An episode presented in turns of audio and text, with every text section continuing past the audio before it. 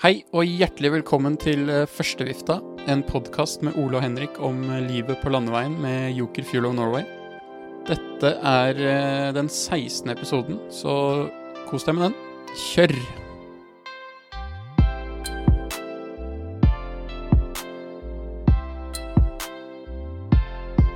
Og til de herligste toner fra Katana Asian Beat, så ønsker jeg deg eh, hjertelig velkommen til en eh, slags eh, solointro sammen med Henrik her. Ole er ble igjen i Europa, skal kjøre et ritt som heter Mont Blanc et eller annet om noen dager. Så jeg reiste hjem fra Frankrike på søndag kveld. I dag er det tirsdag, og jeg må podde alene. Vi var og kjørte Ronde de Loise, eh, litt nord for Paris. Det er et ritt som jeg eh, vant i fjor. Um, jeg gleda meg naturligvis masse til å kjøre igjen. Um, det ble ikke helt sånn som jeg hadde tenkt. Men eh, før jeg går helt ned i kjelleren her, så kan jeg nevne at gutta var på jobb. Hoem ble nummer tre sammenlagt, og Ludvig Holstad ble elleve. De kjørte knallsterkt. Og resten av uh, de tre andre gutta som var med, de uh, Altså Aksel Aasheim, Olleke Bolleke Forfang og Christian Klevjer kjørte strålende hjelperytterjobb for Hoem og Ludvig. Og det var rett og slett kult å se hvordan de ofra seg for, for laget der. Så tre sammenlagt i et uh, relativt stort uh, UCI-ritt er jo noe å ta med seg, absolutt. Så artig for HM uh, eh, akkurat det. Ludvig også, på 11. der, hjalp HM ganske mye. Og ja, kan ikke si noe annet at, enn at det var veldig, veldig bra. Når det gjelder min egen opplevelse, så var ikke det så veldig kult. Jeg fikk jo problemer med kneet i eh, Norway på eh, fjerde etappe. Um, pressa gjennom og tenkte kanskje at det var en overbelastning som kom til å gi slipp etter noen dager med hvile. Og det gjorde det på en måte også. Jeg sykla jo litt forrige uke. Trente ja, minimalt egentlig, men kjørte litt hardt og litt forskjellig, og fikk egentlig bare gode svar. Jeg fikk ikke så vondt i kneet, eller jeg kjente egentlig ingenting. Men eh, på første etappe i Loas så begynte jeg å kjenne det litt. Eh, den var veldig kort, så det rakk liksom ikke å sette seg helt. Eh, på andre etappe ble det så vondt at jeg måtte stoppe og gå av sykkelen og sette meg i kostebilen, som er en en uh, van som kjører bak uh, rittet og plukker opp ryttere som ikke klarer mer, eller som har velta eller uh, har andre problemer. Så der ble jeg sittende og hoppa ut i langesonen, der hvor Laure sto med bilen, og en boks med Haribo, så da fikk jeg litt trøst. Men det ble altså en DNF på meg der. aldri kult, og veldig, veldig kjedelig at det kneet ikke var bra. Uh, man får en sånn uh, kneskade, så man vil jo på en måte Håper jo at det skal gå over, sånn som etter Norway nå. Så jeg dro hjem og hvilte og tenkte at uh, dette kommer til å gå fint. Um, prøvde å trene så mye jeg kunne, som ikke var så mye, men nok til å holde formen. og det stresset og den følelsen av å prøve å være i form, men vite at du kan ikke gjøre det du vil på trening da, for å kunne være i den beste formen din. Det er ikke så veldig kult. Eh, så fikk jeg et håp før eh, Loas om at eh, kanskje det ordner seg. Og jeg kjente også at formen var utrolig bra. litt som i fjor så følte jeg at jeg kunne gjøre litt som jeg ville. Altså hvis jeg havna på etterskudd, så var ikke det noe problem, da. sånn som det hadde vært i Norway, f.eks. For fordi, ja, fordi det er litt høyere nivå, men også fordi løypene passa bra, og de små kneikene som var, de følte jeg at jeg hadde god kontroll på det, og kunne bare smekke meg opp hvis det sprakk opp osv. Så, videre. så da var det i hvert fall kjedelig å måtte bryte. Eh, det som skjer nå, er at eh, jeg i samråd med trener eh, Reidar BB og sportsdirektør Adrian Jølberg har bestemt at jeg tar sommerferie fra denne uka og står over NM. Og det er jo veldig, veldig kjipt, men vi tror det er det beste. Og vurderingen er da altså at det er bedre å miste NM og bli bra i kneet enn å én, stresse med den uh, formen når du vet at du ikke kan Eller når du ikke får trent det du vil før NM, og da måtte stille i start i NM med litt uh, usikre kort. Uh, kanskje formen er bra, kanskje ikke, vet ikke. Og også risikere å ødelegge hele høstsesongen ved å ved å presse seg gjennom en lang NM-fellesstart med kanskje vondt i kneet, og måtte ende opp med å hvile hele sommeren. Istedenfor å hvile nå, to-tre uker uten så mye trening, i hvert fall ikke i starten. Blir litt rehab, det gjør det. Jeg skal på behandling til min venn Dan Rammen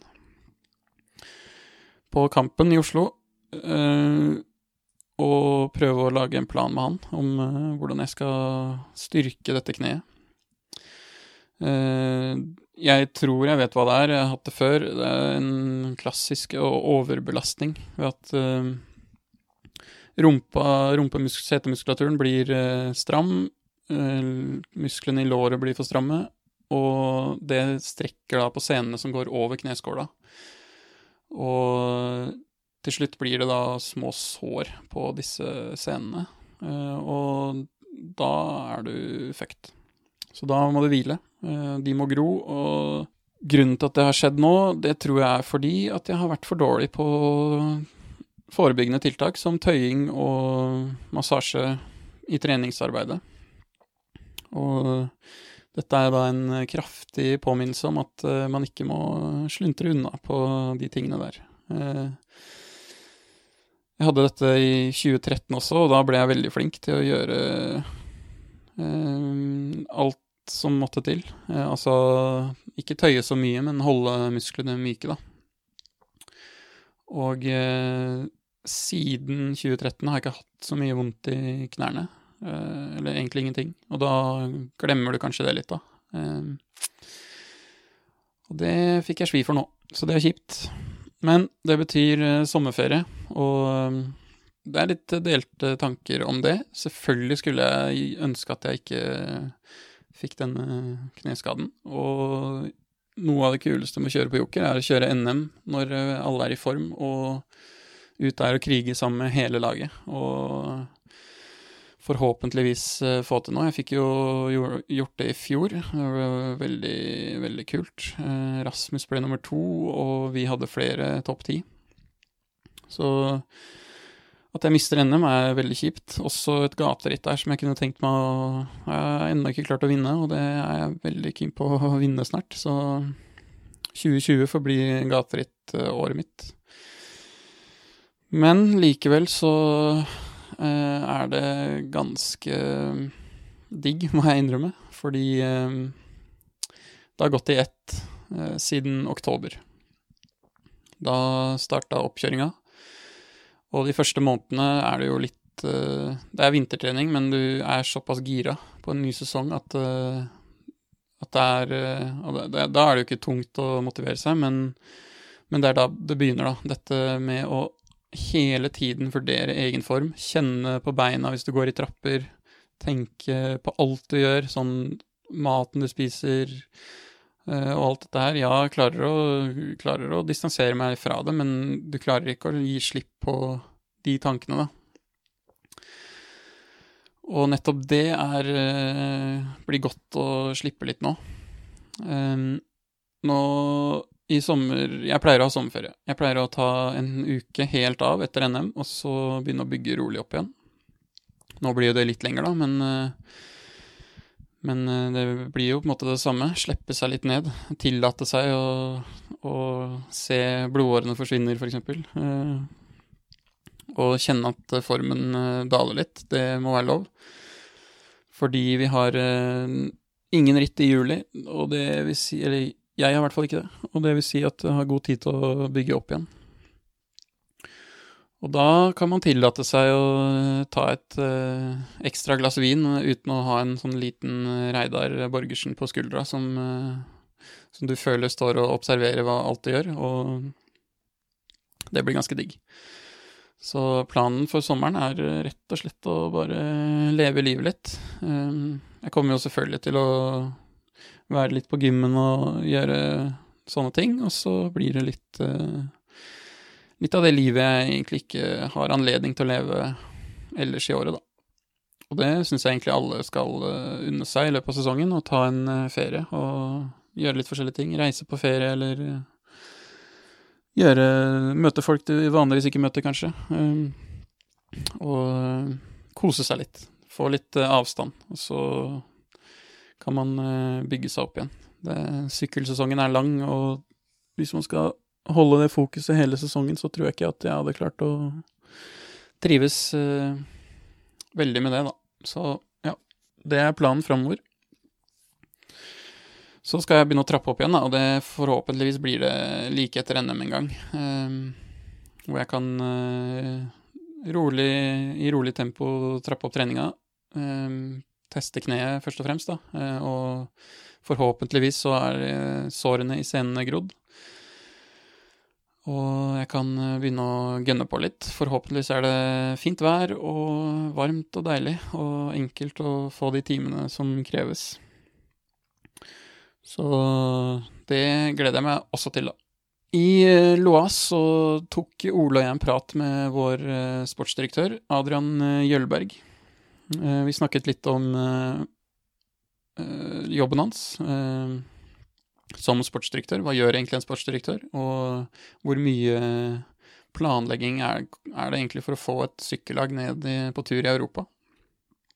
Eh, vi snakker litt, også litt om eh, hans karriere og hva han har eh, opplevd som eh, syklist. Eh, det skal vi snart spille her. Før den tid så tenkte jeg å ta litt eh, lytterkontakt, fordi forrige uke, så da vi hadde jernteppe og etterlyste litt eh, spørsmål. Så fikk vi så mye eh, at eh, vi ikke rakk å ta med alt. Og det tenkte jeg kanskje jeg kunne gå gjennom litt nå, da. Så her kommer det. Jeg fikk et spørsmål, og husker ikke hvem det var fra, men en som lurte på om vi hadde noen stereotyper på laget, f.eks. lagets klovn. Og det er lett å svare på. Det er Aksel. Aksel Aasheim sier så mye rart, men vi elsker ham for det. Fordi alt han sier, er godt ment, eh, og det vitner egentlig bare om litt sånn eh, Han er jo veldig smart fyr, men noen ganger så bare plumper han ut i noe greier som han ikke aner hva det betyr, og det blir ofte veldig, veldig gøy. Vi hadde noen uh, artige middager i Loas nå, um, hvor uh, Aksel uh, Ja, jeg, jeg, skulle, jeg, jeg skal begynne å notere meg det han sier, fordi noe av det er så sjukt at Ja. Lagets kverulant, det er jo uten tvil min makker Ole Forfang. Han uh, uttaler selv at uh, diskusjoner er tidsfordriv og bør vare så lenge som mulig. Det uh, merker vi. Han Han går knallhardt inn i alle diskusjoner og gir seg ikke før vi skal legge oss. Um, personangrep og sånn, det er helt innafor. Og det er mye latter og mye fortvilelse, egentlig. Men det skal han ha. Han er, uh, han er faktisk uh, real. Re, real, som det heter. Han uh, innrømmer når han har feil, og kjører knallhardt på når han vet han har rett. Så det er fint. Den siste stereotypen jeg kom på, var lagets gladgutt slash gledesspreder, og det er jo ingen tvil om at det er Fridtjof. Han er alltid blid, alltid støttende, og det er uh, veldig deilig å ha med sånne folk på tur. Uh, jeg prøvde å tenke på hvem jeg er i laget, men det er jo en umulig oppgave å, å definere. Så det får noen andre gjøre, tror jeg. Uh, Steffen Hautala hadde et litt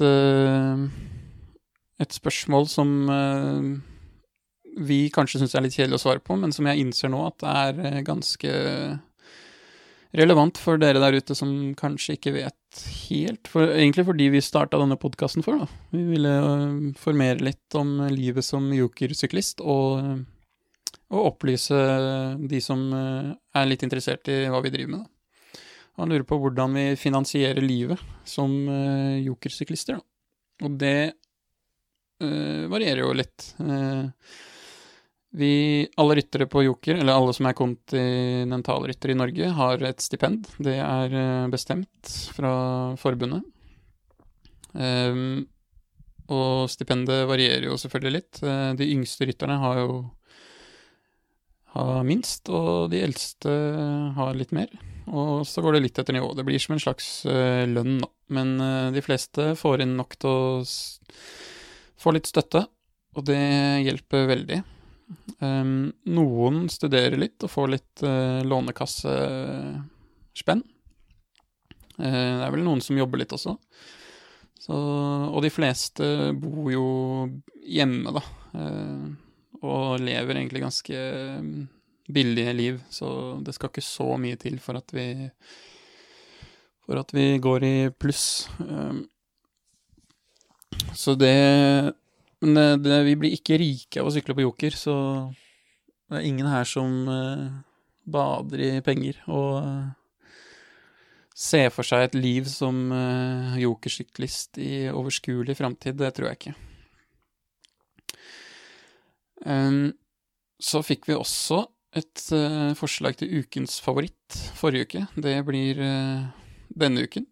Dette er et spørsmål som Ole hater å svare på. Derfor tar jeg det. Ane Iversen lurer på hva som er vår favorittintervalløkt. Og det er vel egentlig ingen av dem. Jo da. Min favorittintervalløkt er uh, egentlig bare langtur med drag. Det har jeg vel kanskje nevnt før også, men uh, i den grad du kan kalle det en intervalløkt, da, så er det det beste jeg liker å gjøre, egentlig. Det er jo min favorittøkt uansett. Men uh, kjøre drag i eh, medium til lange bakker med mest fokus på fart. Uh, minimalt fokus på Ja, i hvert fall ikke puls, og minimalt fokus på watt. Um, det er det jeg liker best, og helst uh, sånn terskel pluss. det liker jeg veldig, veldig godt. Så da fikk du svar på det. Um, nå jeg sitter her nå, så kjenner jeg at jeg får enorm respekt for alle som lager podkast uh, solo. Og jeg savner Ole, tro det eller ei, så savner jeg Ole ganske mye akkurat nå. Men uh, sånn får det bare bli. En ting som er uh, aktuelt, som jeg kan ta på tampen her, er uh, at uh, podkastvenn Max Emiliano de Grote von Körner har fått sin første seier, tror jeg, som direktør sportiff i, i Ringerike sykkelklubb. De vant Norgescupen på Ottestad i helgen, og det er ganske rått, faktisk. Så Masse gratulade til uh, Kerner og gutta hans i eh, RSK. Det var kult.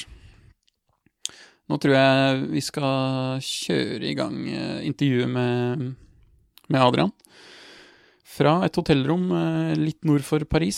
Så kos dere med den, og så høres vi igjen neste uke.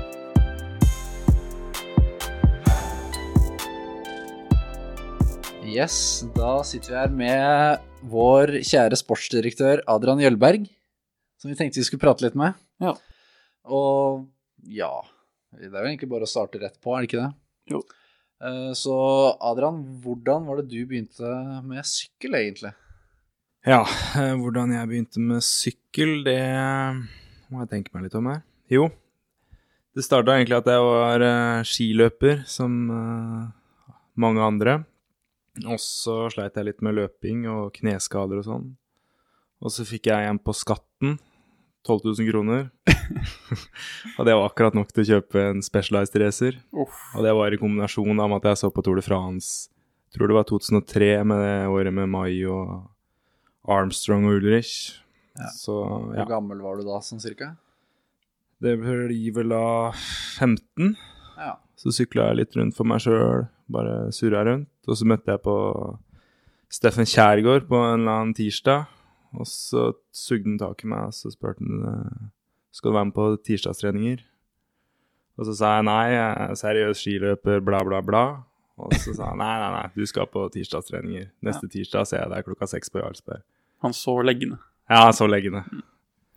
Og sånn var det gjort. Så jeg ble med på tirsdagstreninger, og så fant jeg ut at uh, ski, det er det bare slutt med. ja.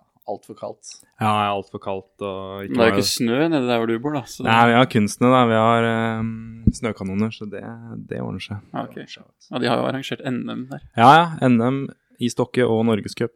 Ja. Norgescupen tror jeg var siste rennet jeg gikk, for Og Siste gang de så snø òg. Siste gang vi så snø, ja. Ja. Ja. Ja, eh, og så har du hatt en lang karriere på de fleste norske sykkellag. ja, jeg har vært innom alle utenom Coop. Oi, ja, det er sterkt. Og Frøy kanskje òg. Frøy har jeg ikke vært i, da. Nei. Men eh, ja. Nei, og så sykla jeg noen år, og så ble det litt resultater etter hvert. Og så kjørte jeg på Plussbank, som, som ble seinere ble Sparebanken. Ett år der. Og så var jeg joker i tre år. Og så ble det Fixit i tre år. Og så ble det Fixit som sportsdirektør, og så havna jeg her. Ja. Og hvordan var eh, overgangen fra rytter til sportsdirektør? Ja. Så, vil jeg først og fremst, hvorfor la du opp? Ja, eh, jeg la vel egentlig opp for det Ja, jeg fikk litt sånn nytt løft siste året jeg sykla. Og likevel så syns jeg det var eh, Jeg synes det var seigt. Jeg fikk til noen resultater, men hver gang jeg kom i mål og fikk de resultatene, så tenkte jeg bare at uh, så vondt som det er, det orker jeg faktisk ikke ha det igjen. Nei. Og da tenkte jeg egentlig at uh, nå er det bedre bare å være ærlig med seg selv og kaste inn årene uh, mens det, ja, leken er god. Jeg kunne sikkert sykla noen år til og holdt det samme nivået, men ja. Og så begynte jeg å tenke litt på å kanskje jobbe på andre sida av bordet, da, i Fixit, da, først og fremst. Og så blir det jo sånn når du først begynner å tenke den veien, da, så blir du veldig innstilt på det, da. Så da var egentlig valget veldig lett. Ja. Så jeg er veldig fornøyd med det, da, at jeg kunne bare gi meg fordi jeg hadde lyst til det, da, og ikke eh, fordi jeg måtte. Ja. Det er jo egentlig det beste, det. Ja, ja, så det hadde vært Jeg tror det hadde vært vanskelig å sitte og se på dere sykle her nå hvis jeg egentlig ville sykla selv. Ja. Da hadde det vært vanskelig å være glad på deres vegne sånn. Så jeg er veldig glad at jeg ikke savner det på den måten. ja, det skjønner jeg. Og overgangen til sportsdirektør, var det mye nytt? Ja, det var, det var jo det, da. Så det er Du blir jo jævlig sånn sentrert rundt deg selv som rytter, og jeg var jo det sjøl òg. At du tenker veldig sånn eh, Faen, er det så sinnssykt vanskelig å få det på plass, eller eh, Ja, booke det hotellet. booke det hotellet eller den jævla flybilletten. Kan ikke det Ja. bare være litt bedre? Eller? Ja. Så jeg blei tatt litt på senga av det, hvor mye jobb det var, da. Mm. Uh, men det blir jo Det ble en bratt læringskurve, da. Plutselig ser du alt fra andre sida av bordet. Så ja. Mm. Ja, du, når du kom inn i Joker, så fikk du jo sikkert en del eh, tips og råd fra Gino. Ja, jeg hadde jo hatt Gino selv som, eh, som rytter, da. Og det blir jo Jeg syns kanskje det var den største overgangen til Joker, for der var det litt sånn æresfrykt, eller hva jeg skal kalle det, med å ta over etter Gino. Og... Ja. Men skulle du egentlig være sportsdirektør sammen med Gino først?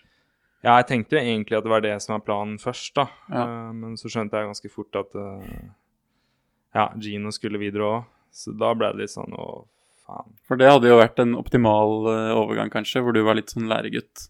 Ja, jeg, jeg kunne egentlig tenkt meg å hatt ett år med Gino, i hvert fall. Ja, Så plutselig så var det bare Nå Ja. er du sjefen her.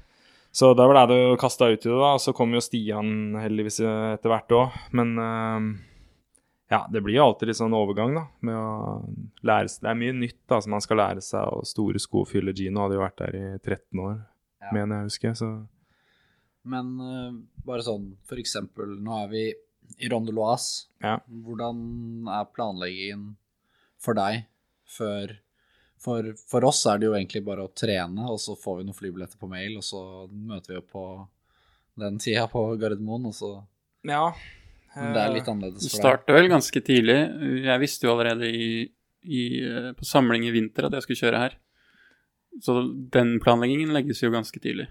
Ja, den var lagt ganske tidlig. Eh, Heldigvis var eh, det, det er litt opp og ned, da. For Loas var det første løpet vi fikk. Den fikk vi allerede okay. i oktober. Så Det er er ikke så rart. å Det er ikke så rart med tanke på fjoråret. Nei, så vi fikk faktisk at uh, jeg er favorittlaget, og det sa jeg vel til deg i stad òg. Mm. Og vi har livstidsinvitasjon i Loase, Ja, det er hyggelig. så det er hyggelig. Så Ja. da kan du jo bare plotte inn denne kalenderen. Noen løp får man jo seint bekrefta, da. Men Loas var ganske lett. Og, men vi, vi hadde jo litt kneskader og sånn, da. Så vi måtte jo bytte inn en del eh, ryttere på kort varsel. Blant annet deg, Ole. Yes. Det var jo et løp jeg har lyst til å kjøre, så det var ikke noe problem, det. Nei, nei, det var jo supert å få deg inn. Så, Men da er det jo å endre flybilletten, endre enrollment-formen. Det er jo den lista du sender inn til, til arrangøren. Ja. Eh, hotellista må endres. Så det ble litt sånn småting der. Eh, men eh, ja, Loas er et ganske greit løp, og så gjorde du det i fjor, samme hotell, bare en time fra Paris, så det var eh, Det var greit, det. Men eh, det er en uh, papirmølle man skal gjennom for å komme i mål før man kan dra. Ja. Jeg ble litt, eh, kan ikke du fortelle litt om hvordan man eh, søker og får invitasjon til løp? Og hvordan den prosessen fungerer? Ja, det starter som regel rett etter sesongen er over, i starten av oktober. Så må man lage en presentasjon, og der har jeg fått ganske god hjelp av Gino, det hører med å si, på fransk. Ja, ikke sant? Fordi kommunikasjonen er ikke alltid så lett. Nei, det er, det er, jeg er ikke så superrå i fransk, men jeg, Det er ikke Google Google Translate heller, dessverre. Nei, så jeg, jeg, forstår mye med Google Translate, men det blir jo helt feil når jeg skal svare. Jeg prøvde Ja. å svare noen ganger òg, men det blir, jeg merker at det blir dårlig. Mm. Men uh, jo, lager en presentasjon, sender en rundt arrangørene, og så Noen får du svar med en gang, at vi ønsker å være med der. Andre får vi ikke svar med. Noen får vi svar at du får svar i januar. Og så må du begynne å purre i januar. Men vi har vært ganske heldige i år, da, at vi fikk eh, mange svar eh, relativt kjapt. Men det er en del eh, sånn meldinger fram og tilbake med Ja, på fransk som regel, da. Eh, om Ja, litt detaljer om hvor mange vi kommer, hvor mange ryttere, hvem ryttere. Noen vil gjerne spesifisere at vi vil ha med Ja, okay. han, han rytteren. Kommer vi med bussen, er et spørsmål av og til òg, da. Ja. Det Men er det for det meste positivt å ha buss, eller er det negativt logistikkmessig? Logistikk Ja. eh, Altså for arrangøren, da. Hva Arrangøren er det jo kongen, da. Ja, ikke sant. De Ja. syns jo det er dritkult. Ja. Det var litt det samme i 2017, nei, jo, 2017, når eh, Doffen hadde VM-trøya. Ja, det kan jeg Da, tenke var det, da fikk vi innpass i ganske mange løp, da, med forbehold om at han stilte. Ja. Det endte jo med at uh, han ikke stilte noen av de løpene som vi hadde fått, grunn av fordi han var syk og sånn. Men uh, det var jo blant annet derfor vi fikk Trobro Leon og litt sånn, da, Ja. som vi har kjørt noen år. Mm. Så ja. Jeg husker også en gang i Frøy Bianchi, et år i Frøy Bianchi, hvor eh, vi hadde en fransk mann på laget. Eh, som vi vel har nevnt før i denne podkasten. Ja, han tok vel noen sånne spanske Han hadde kontakter etter, og var jo franskmann og snakka spansk og sendte mailer hit og dit og lova at vi kom med buss og alt uh, som er bra. Og de fikk spørsmål på fransk da, om, om vippene kunne komme og se i bussen vår, og ja, ja, ja, det var greit. Vi kom med to leiebiler, vi, da. Og, og ja, fulle av sykler og ryttere, og så ikke ut. Men uh, vi fikk kjøre noen kule løp, da. Ja, dere fikk jo løp. Ja, vi gjorde det. Men det går bare ett år, tror jeg. Det går bare ett år. Dere fikk kjøre Murcia og sånn, gjorde dere ikke det? Jo, jo, mot Valverde og Cavendish og hele Det gjengen. er jo helt uh, Og uh, disse rittene på Mallorca også. ja. Challenge Mallorca. Ja, stemmer det. Dere var der òg, dere. ja, du gjorde det ganske bra der òg, gjorde du ikke det? Jo. Ja, greit. Fikk du ikke poengtrøya eller noe sånt? Jo, poengtrøya. Det er jo bra, det. Så Så jo da, eh, det har jo Man kan jo kanskje skryte Det gjelder vel alle CV-er, det, da. Man må jo skryte litt av eh, opplegget. Ja, jeg må jo skryte litt, men så må man være litt eh, tror jeg er viktig, da. Skryte på en ærlig måte, da. For det, vi skal jo drive sykkellaget 2020 òg, da. Ja, ikke sant? 2021 òg, så Ja. Men de fleste rittarrangørene i Europa vet vel hvem Joker er. Ja da, vi har et godt navn, og det er jo før uh, egentlig med at vi har eksistert i så mange år, da. Så det er jo egentlig bare noe vi flyter på den dag da. Men vi må jo prøve å ta godt vare på det, da. Ja. Men jeg har jo litt inntrykk også, da, av at spesielt kanskje franske ritt, da, er litt De er litt sånn sære franskmenn at de bryr seg ikke så mye i noen løp, da, hva de har gjort i andre franske løp. De bryr seg om hva de har gjort i det løpet som de arrangerer, kanskje. Det er iallfall litt det inntrykket jeg får, da. At hvis du har kjørt bra i ett løp, så er det bra for det løpet, mens hvis du kjørt dårlig i ett løp et år, da, så er det ikke så lett å få innpass neste år, da, Ja, på en måte. det er litt sånn, ja. Og så Selv om du har gjort det bra i mange andre løp, da. Og så er det vel litt sånn innstillinga, tror jeg vi Man kan Vi kunne kjørt sikkert dritdårlig her i fjor resultatmessig, men hvis vi hadde lagd et sinnssykt sykkelløp, Ja. så teller det òg. Og Ja. om vi gjør et godt inntrykk, om vi Ja, altså jeg tror bare måten vi møter arrangøren på start, Ja. da, rytterne, om vi er liksom capsen foran øya og, og er sure, eller om vi er imøtekommende og sier hei og lager litt liv. Ja, det er kjempeviktig. Mm. Komme tidsnok på innskriving. Ja, det er jo noe vi jobber masse jobba med. litt. Ja. Men, det, men det er viktig, det. Og så tror jeg veldig på bare det å sende en mail i etterkant, takk for at vi fikk komme, og vi satte veldig pris på selv, særlig når det har gått dårlig, da. At beklager, vi har ikke fått de resultatene vi ville, men vi håper vi kan komme neste år igjen, og Ja. bla, bla, bla. Da er det litt lettere å sende en ny mail i oktober om uh, Mm. at vi vil komme, da. Så når vi har fått uh, ritt på kalenderen som bekrefta, og kanskje ritt som vi tenk, eller dere tenker at det er sannsynlig at vi får, Mm. så må dere begynne å sette sammen løpsprogrammet for alle rytterne. Ja. Eh, Sette ryttere hit og dit. Tenke litt på sesongoppbygning eh, formmessig, Mm. og når det, ulike ryttere skal være i form. Hvilke ryttere som passer til hvilke ritt, osv. Og så Det stemmer, det? Ja. Ja. Det har du vært med på selv òg, så Ja. um, ja. Og da prøver vi å ta det Vi brukte veldig mye tid i desember, da, Lorentz, Reidar og Stian og meg, da, Ja. på å lage en sånn eh, bruttoplan, og at vi hadde tenkt litt gjennom sjøl hvordan vi så for oss at en sesongoppbygging kunne vært, da. Ja.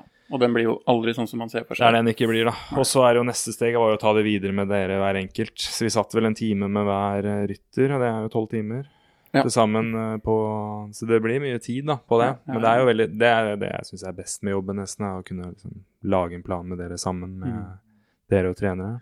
Det som også er litt stress med vårt lag, da, det er jo det at vi kjører veldig mye like løp og veldig mye like ryttere, så det er på en måte ikke en sånn Klatrerne skal dit, noen spurtere skal dit, og sånn. Det er sånn Alle kan egentlig kjøre bra i nesten alle løp, da.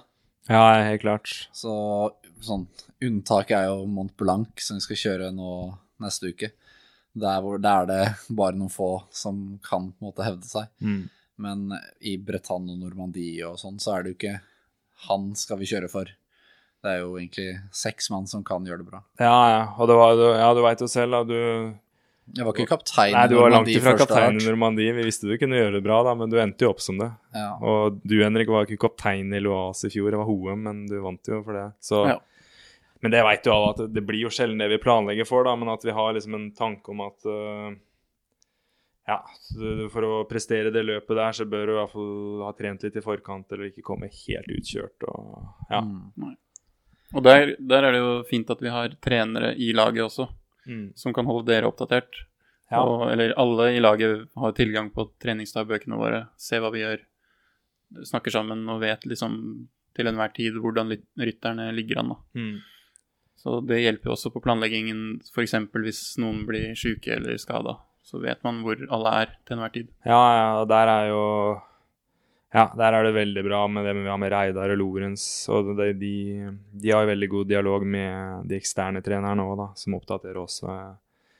Så ja, det er viktig den samkjøringa der mellom trenere og oss sportsdirektør, da, som har dere på løp, da. Og så når det nærmer seg, når begynte du å planlegge Loas i detalj? I detalj eh, Og hva er det som skal planlegges? Når du skal ha seks ryttere og fem støtteapparat ned til eh, en eller annen by nord for Paris. Ja. Det begynner jo sånn kanskje Mars så begynner jeg å se litt på flybilletter, da, fly, muligheter for fly. Ja. Men ikke sånn veldig, men du ser at det går an å fly morgenfly i stedet for kveldsfly. Så du har litt oversikt, og så ser du at det, det er greie flybilletter, så du kan ta, gjøre flybilletter på kort varsel. da. Og så, i og med at vi visste at det var litt tett oppunder andre løp på Mont Blanc, så venta vi egentlig så lenge som mulig med å bestille billetter. da.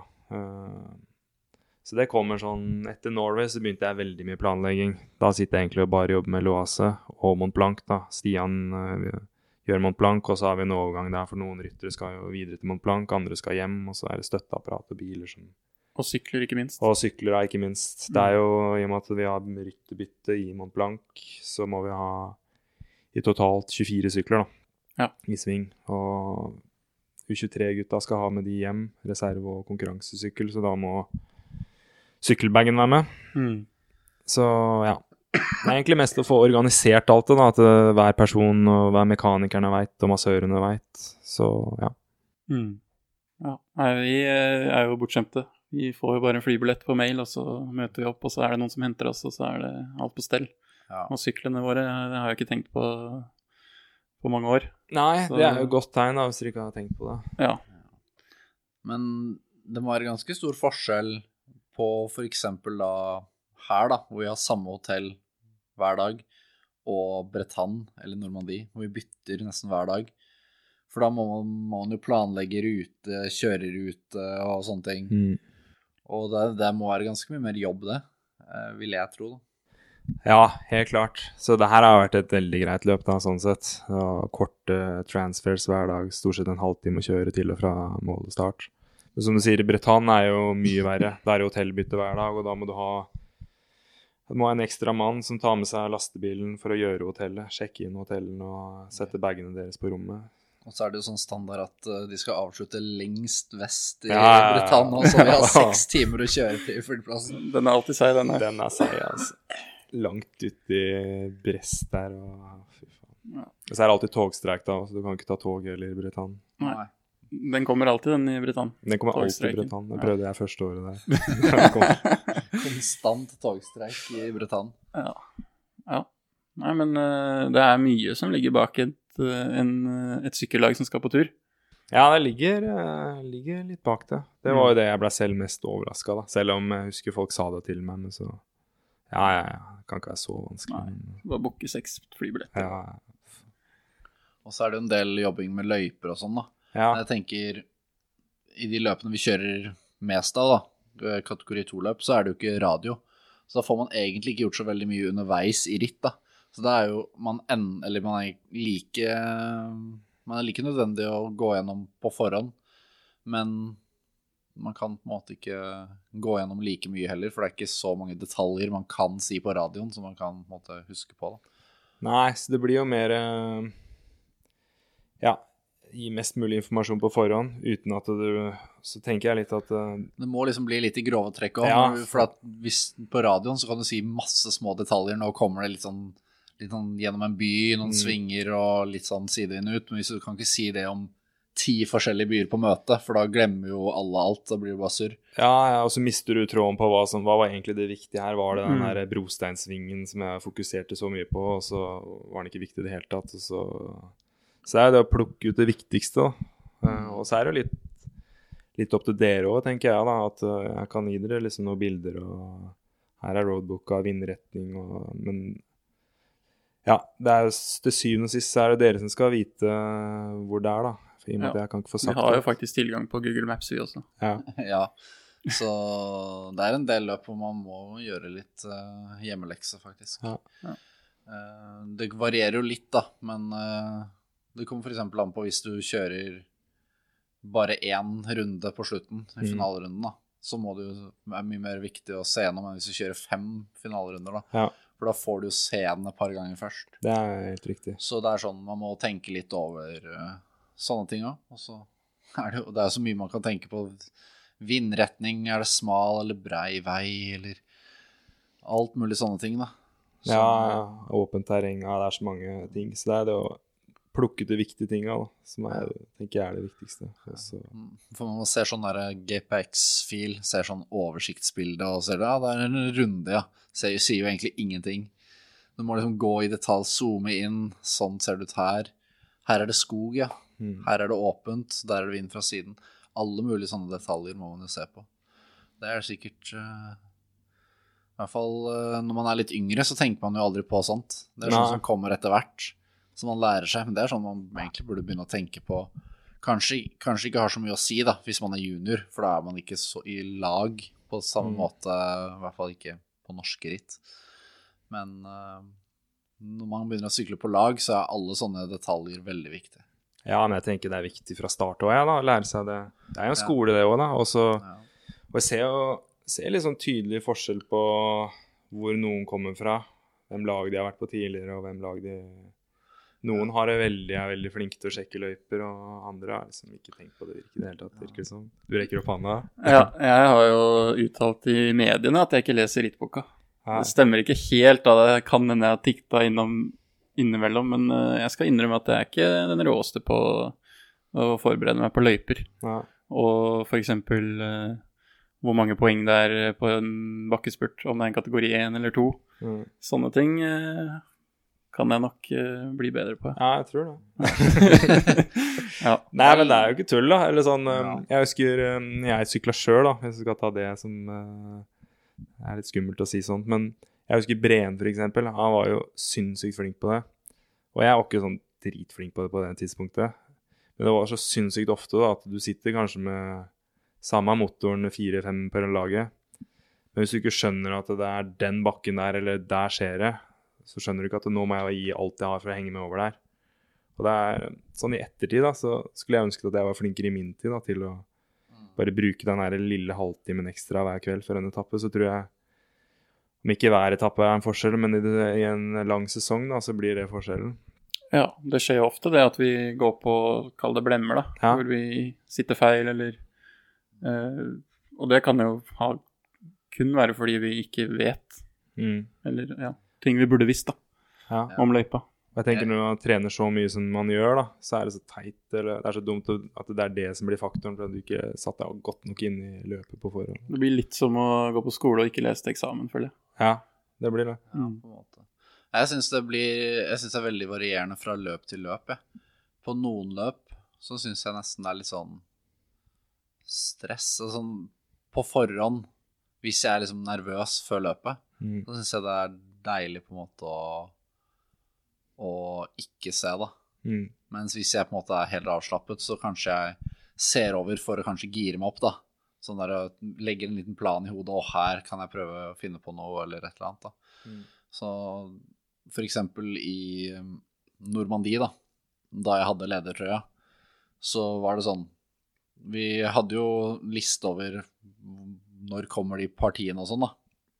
Og da Jeg, jeg lager aldri sånn lapp på stemme. Men jeg lagde lapp på stemme, da. Eh, Men jeg så aldri på den, selv om jeg hadde lappen. For jeg er sånn Jeg er så vant til å bare på en måte kjøre på Jeg, jeg er god på å huske tall, da. Mm. Så jeg husker alltid de viktigste tallene. Jeg memorerer dem. Og så på en måte er det greit, da. Og ofte syns jeg det er bedre, nesten, enn hvis du overanalyserer, da. Det er jeg enig i. Sånn da blir det fort overkomplisert, og du ja. tenker mer over det. Spesielt da eksempel i Normandie, hvor jeg var veldig stressa i utgangspunktet. Jeg tenkte sånn, hvis jeg begynner å se gjennom alle partier hvor det kan skje et eller annet nå, så kommer jeg til å bli altfor gira, altfor stressa og bruke masse krefter på unødvendige ting, da. Så nå må jeg bare sitte bra plassert i feltet, og så satse på at eh, resten av laget på en måte har kontroll på hvem som støter og går og sånne ting. Og så må jeg bare være med, da. Bruke den rutinen jeg har bygget opp. Mm. Men en liten sånn fun fact apropos det med hvilken skole man har gått, da. Eh, Da jeg var 16, tror jeg det var, 15 eller 16, så fikk jeg Egil Aasheim, far til Aksel, som trener. Og han er ganske rå da, på sånn planlegging, og han er sånn som skal liksom eh, reise for å kjøre recon på ritt i Norgescup og liksom sånne ting, da. Og liksom før Ringerike Grand Prix så var det kjøre opp til Hønefoss, han kjørte opp til Hønefoss med alle og hadde sykler på taket, og så sykla vi gjennom eh, finalerunden og sånne ting. da. Så, og så gikk vi gjennom hvor, hvor, hva skal man gjøre hvor, og han hadde sånne triks. Det her burde du tenke på her, og sånne ting. da. Og det lærte jeg mye av. Og så hadde han alltid sånn regel at man måtte ha liksom et, et eh, Eller ha noen mål, da. I løpet av et ritt. Eksempel jeg skal bli bedre på det her, da. Posisjonere seg på en eller annen måte, eller uh, Bare ha sånne ting man tenker på underveis i løpet, da. Kanskje mens det går rolig, da. Mm. Så du tenker på at du skal gjøre det og det. Og det er sånn Det er ganske lurt. Det er mange som jeg føler bare soner helt ut, da, Mm. når det går rolig i feltet. Men det er alltid mange ting du kan tenke på. En ting jeg har blitt veldig mye bedre på, er f.eks. å ikke kjøre meg frem i feltet når det går oppover. Mm. Det sparer man jo masse krefter på. Alltid ta plasser når jeg kan bruke minst mulig watt. da. Ja. Sånn i nedoverbakker, ta plasser nedoverbakker, og når det er motvind, eller bare på en eller annen måte. Hver gang det kommer noen forbi meg i feltet som kjører seg frem, så bare legger jeg meg på hjul og følger dem opp, ikke sant. Og så tar du noen plasser her og der. Noe som er vel så viktig med eh, planlegging i forkant, tror jeg er eh, debrief og reflektere over hva som faktisk skjedde da, Ja. etter rittet. Hvis du etter hvert ritt bare Ja, feltet delte seg der, og så halmen er bak, og så det var det. Uten Ja. å tenke over hvorfor, da. Da lærer du aldri noen ting. Nei. Så det Der kan jeg også bli bedre. Ja. Ja, det er mange ting man kan lære seg. Jeg føler at um, i hvert fall etter hvert som man, i hvert fall for min egen del, så er jeg blitt ganske det, Jeg tenker ikke så mye på det sånn spesifikt, at nå skal jeg tenke over hva som skjedde i det løpet. Men jeg, det går liksom bak i hodet hele tiden, da. At man tenker over Også underveis i løpet. Hva skjedde nå? Hvorfor var jeg ikke foran nå? Hva burde jeg gjort annerledes, da? Og så tenker man på det. Altså, prøver man, hvis det er flere runder, da, en finalerunde, så prøver man litt forskjellige ting. da, Se hva som funker. Og så lærer man litt det, for det er mye av det samme som skjer hver gang, egentlig. Selv om finalerunden er forskjellig, så er det liksom gjennom en by, da. Og så er det sidevind ut, ikke sant. Det er jo egentlig det samme, selv om byen ikke er lik, og strekket etterpå ikke er lik. Ja, ja.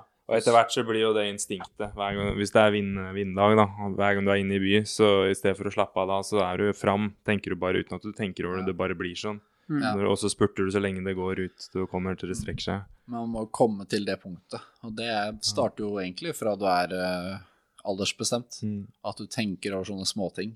Ja, jeg husker eh, da jeg kom på SEG i Nederland. Seg? Ja, så de jeg sykla med, var 18-19 år, noen av de. Og jeg var 22. Og så husker jeg etter de første rittene så hadde vi debrief, da. Og de 18-åringene bare De visste alt som hadde skjedd. Eh, De visste hvem alle rytterne var, kanskje fordi det var i Nederland, og de kjente De hadde sykla mot de mange ganger, men Og de visste hvorfor de hadde gjort det de hadde gjort, da. Og det var ting jeg ikke hadde fått med meg engang i det rittet. Mm. Og jeg hadde i hvert fall ikke tenkt over hvorfor det laget satte seg der da, og at det førte til at det laget støta, liksom. Eh, og det husker jeg var en liten sånn vekker, da. At eh, det er faktisk lurt å tenke over hva som skjer her. Ja. Så det er Det tips. er der, eh, altså Veldig ofte gjør folk ting av en grunn. Ja. Folk eh, setter seg ikke bare Det er ikke alltid det er en veldig god grunn. Det kan hende at det bare er nå føler vi at vi må gjøre det, men det er alltid en eller annen grunn. Hvis ah, masse lag begynner å samle seg, så er det fordi at nå er det noe som kommer til å skje, eller kanskje kommer til å skje, da. Mm. Folk er redde for at noe kommer til å skje. Og det Det, samme gjelder, jo det er sånn type sånn der eh, Fem lag går fram i vinden, og så er det en som stopper og pisser. Da bør det ringe en bjelle at nå burde jeg kanskje ikke Det er ikke nå jeg pisser, Mm. men hvis ledertrøya pisser, da, så er det liksom Da er det litt tryggere. Ja. Ja. Sånn gjelder jo hele veien. Det er mange sånne Ja, det er mye man må tenke på, altså. Jeg tror eh, Ja, når man begynte å se på sykling på TV, så tenkte man jo nesten bare at eh, ja, de bare sykler, og så Det er liksom sånn Man hører mange si jo hvorfor Han leder jo. Han leder nå, han som ligger først i feltet. Han ligger best an, liksom. Det er jo Det går fra det, da, når du starter å sykle, og så jobber du deg oppover, da, til å bli potensielt da en breen. Som Da har du nådd toppen. da har du pika. Det, er, det er sant. Det er, ikke, det er ikke mange som når det i det hele tatt, men det er jo på en måte det man skal strekke seg mot. da. Å skjønne hvorfor alt skjer hele tiden. Mm. Så Nei, det er eh, viktig å tenke over alle sånne ting, fordi ikke alle kan ha den motoren at de bare kan kjøre fra. Nei, og hvor mange er det ikke som eh, Hva er det du har på terskel? 400 eller et eller annet sånn? Hvor mange er det ikke som har det, da? Ja. Samme motoren, eh, cirka samme egenskapene Mm. fysisk, da. Mm. Jeg er ganske sikker på at jeg ikke Det er sjeldent jeg har vunnet ritt fordi jeg bare var sterkest. Eller det har jeg aldri gjort noen gang. Eh, Det er ikke, det er ikke så mange som vinner ritt fordi de bare var sterkest uansett, egentlig. Det er vel han belgieren. Han er Ja. Evenepool. Ja, han er jo unntaket. Han trenger ikke å tenke så mye, tror jeg, men utenom det, så Han bare kjører. Men, eh, men eh, det er ganske mange løp hvor jeg har sett den personen som vant, bli droppa opptil flere ganger, og så komme tilbake og vinne. Mm. Og da er det fordi at du er eh, smart, da. Eller du er veldig flink til å spare krefter, du Ja. Er liksom eh, Du tar litt sjanser, da. Hvis det sprekker opp, så legger du deg ikke bare ut og kjører deg frem fordi du har krefter. Du bare ligger bak, satser på at det samler seg, og så gjør litt som sånne, sånne ting, da. Som, Kristoff i Norway, for eksempel. Ja. Ja. Faen, han veit, altså. ja. sjukt at det Ja. Han var på jobb, han. Ja, han var på jobb. Ja, det er litt kult å se da, at eh, de proffene må jobbe litt av og til. Ja, han har vunnet Flandern, liksom, og så Ja, sliter du så mye når du, så vinner du, da. ja. Det er kult. Det er litt rått. Ja. Nei, men jeg tror vi uh, runder av der, ja. kaller en uh, dag, kaller en pod. ja. Takk for uh, at du var med. Ja, det var veldig bra. Bare hyggelig. Nå skal vi gå ut av rommet ditt, så skal du få, skal du få tilbake senga di. ja, takk. ja. Yes.